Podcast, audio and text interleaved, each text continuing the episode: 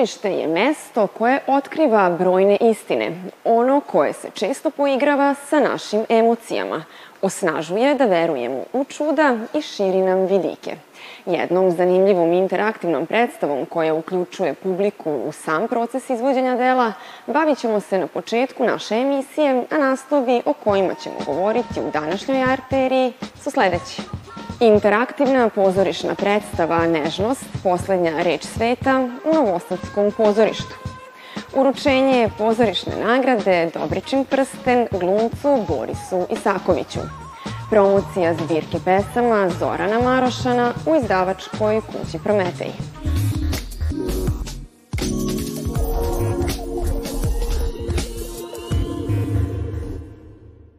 Novosadskom pozorištu nakon Beogradske premijerno pred novosadskom publikom izvedena je interaktivna pozorišna predstava Nežnost, poslednja reč sveta dnevnik zajednice o ekstremizmu, koja propituje ekstremizam i uzroke i pokušava da pronikne u proces radikalizacije kojem mladi ljudi bivaju posebno pogođeni.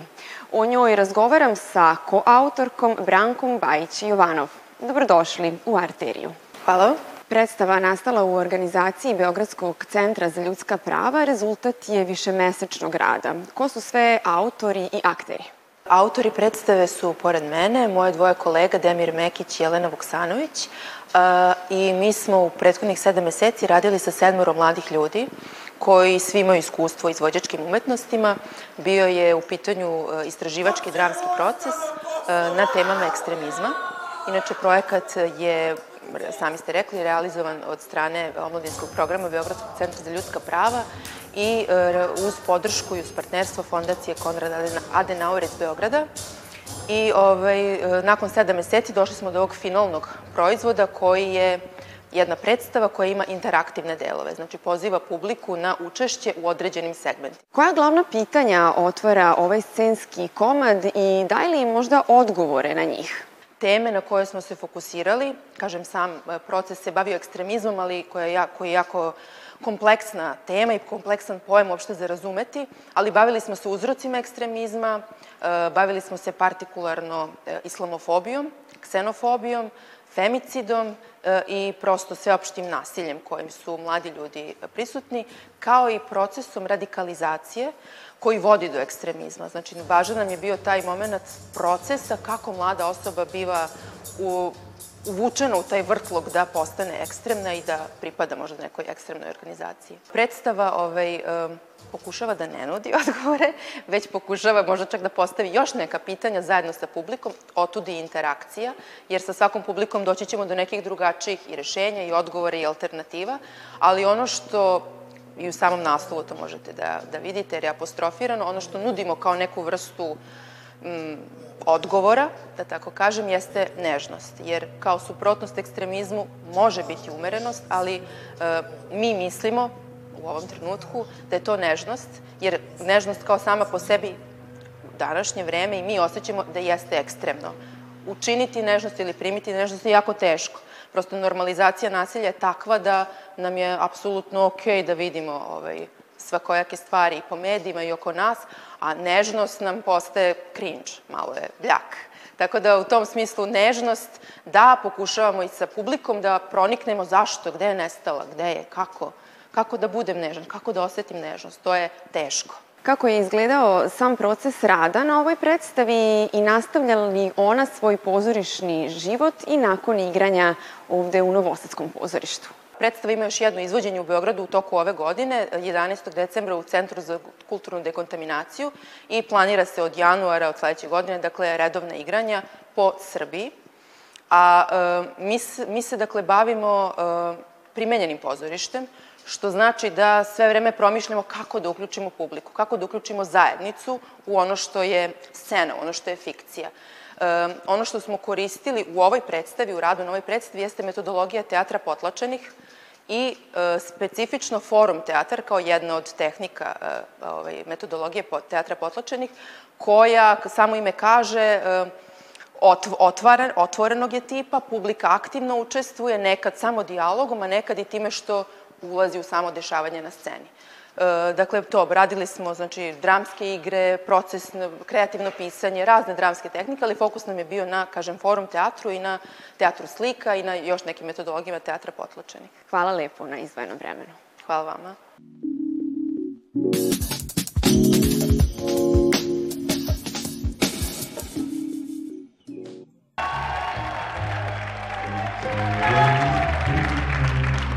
Savršen dan za 35. dobitnika Dobričinog prstena Borisa Isakovića, uz kolegi šest generacija njegovih studenta. U obrazloženju nagrade žiri između ostalog ističe da je Boris Isaković glumac oko koga se uloge otimaju i da je on sam čitav glumački ansambl. Sve to zapravo u slavu pozorišta. Jednom smo radili predstavu, jasno ja, Greta stranica 89. i tada je Jovan Čirilov bio dramaturg i Saša Milosavljević na toj na toj predstavi i on je rekao, ja vas molim samo da šta god radili, pošto je dosta sklizak teren bio, onako, komedija je u pitanju bila, ali da sve to radite u slavu pozorišta. Danas sam ja tu, to će se smenjivati, ali pozorište će da sigurno bude tu za sve nas dugo, dugo. Oblikovanje Borisa Isakovića u umetničkom smislu započeo je profesor Boro Drašković. Vrlo brzo je Boris zaronio u sve žanrove i zagospodario scenom i kadrom. Bio je Anđelo kod Šekspira, Brik kod Tennessee Williamsa, Aleksej kod Nikolaja Koljade, Sade gospodin R kod Fassbindera i Fenglera i Skitnica kod Ljube Simovića. Bio je Toma u filmu Vukovar jedna priča, Ćelavi u Kad porastem biću kengur, Strahinja u odumiranju, profesor u Herojima radničke klase. Igrao je i Miloševića i Mladića. Zašto se ja vezujem, to je uvek sadržaj i dostojno obraćanje gledaocu i odgovornost zapravo prema, prema svakom čoveku. Eto, to, je, to su nekakve, nekakve vodilje i u toj razmeni koja postoji između publike i, i, i, nas e, na sceni, tu zapravo između te mere davanja i mere primanja stoji jedan znak, znak jednakosti.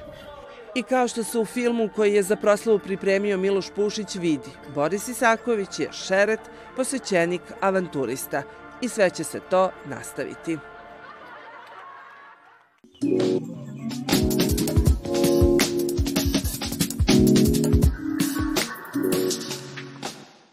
Okviru manifestacije Dani Miloša Crnjanskog u foajeu male scene Srpskog narodnog pozorišta otvorena je izložba radova ruske slikarke Sofije Ječine.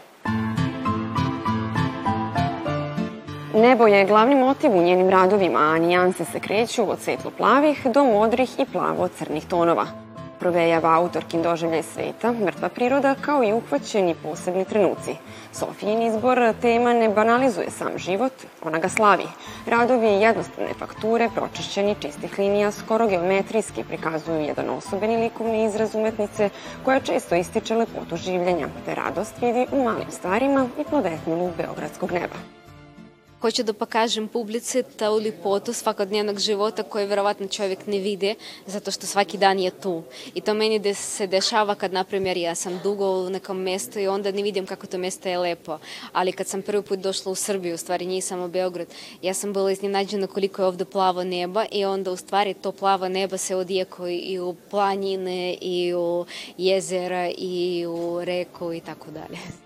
Slikarka Sofija Ječina članica je Međunarodne asocijacije umetnika UNESCO, čiji se radovi čuvaju u zvaničnim zbirkama ruskih muzeja. Belgorodskog i Kurskog umetničkog muzeja zbirci Rheinfels-Kreis u Nemačkoj, kao i u Muzeju naivne umetnosti Ilijanu u Šidu. Od 2017. godine Srbija je za nju postala nova domovina u kojoj piše u svojoj knjizi Beograd u plavom.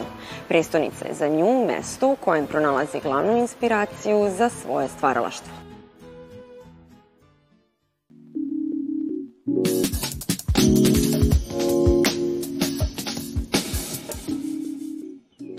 Ne znam da čitam poeziju tuđu, svoju ne znam i da pišem, da mi je reč gusta i hranjiva kao mleko majke, a vaša usta detinja, da mi je reč obla i jedra kao žena, a vi njeni ljubavnici, da mi je reč jaka i životvorna kao Boga, pa da bude pesma, a vi da je slušam.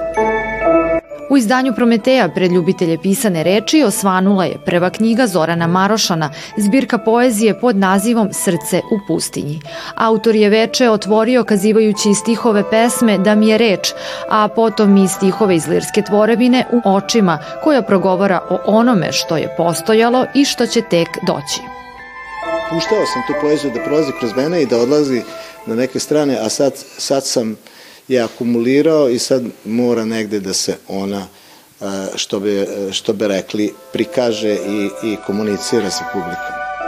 Zoran Marošan kaže da inspiraciju i nadahnuće crpi iz svega što ga okružuje, naročito iz prirode, a pesme se često rađaju iz samo jedne reči. Recezenti knjige autora koji u zrelim godinama počinje da stvara su književna kritičarka Vladislava Gordić-Petković i pisac Vladimir Kopical. To je onaj slučaj kad neko znači se bavi izvornim granama poezije u formi lirike, znači čiste lirike, a da pritom nijukom slučaju nije patetičan, da ume u okviru jedne pesme da izvede i lepo spoji dva ili više motiva, piše jako jednostavnim jezikom, pokazuje utice i istočničke poezije i kritiku ovog našeg zapadničkog načina mišljenja i njegove poetske finese. Ima tu i oni metapoetskih lepih akcenata, pogotovo u završnim pasažima nekih pesama, gde pesnik promišlja i svoju poziciju, poziciju jezika u našem spektakularnom svetu i na neki način daje jednu veoma slikovitu, jednostavnu, efektnu, čak ponegde ekstatično izraženu sliku i sveta i poezije jezika s kojim se mi ovde sučeljavamo na jednom ne jako velikom broju strana, ali te strane su većinom upečatljive za čitavce.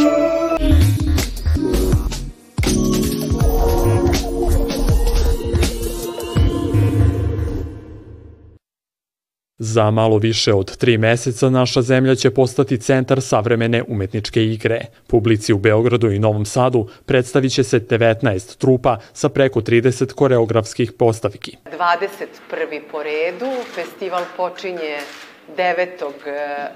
marta i završit će se 10. aprila, punih mesec dana e, igre, 19 trupa, 20 godina je iza nas, ovaj 21. festival čini mi se da treba da nadmaši sve prethodne i e, ono zbog čega se takođe veoma ponosimo jeste da će u susret tom festivalu biti emitovan dokumentarni film 20 godina Beogradskog festivala igre, kao i da ćemo moći da prikažemo i da predstavimo jednu monografiju gde smo spakovali svih tih 20 godina produkcija, koreografa, autora, igrača koji su prošli e, kroz Beograd, Novi Sad i kroz Srbiju. Beogradski festival igre iz godine u godinu raste i privlači velika umetnička imena, ali i predstavlja mesto za afirmaciju mladih autora. U prethodnih 20 izdanja predstavljeno je preko 500 koreografskih radova koje u proseku isprati oko 20.000 gledalaca sa gotovo svih kontinenta.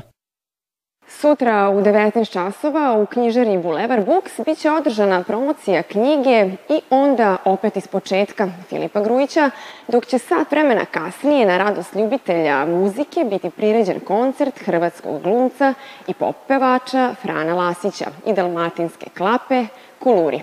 Mi vas sa novim naslovima iz umetnosti čekamo sutra u isto vreme i na isto mesto. Prijatno!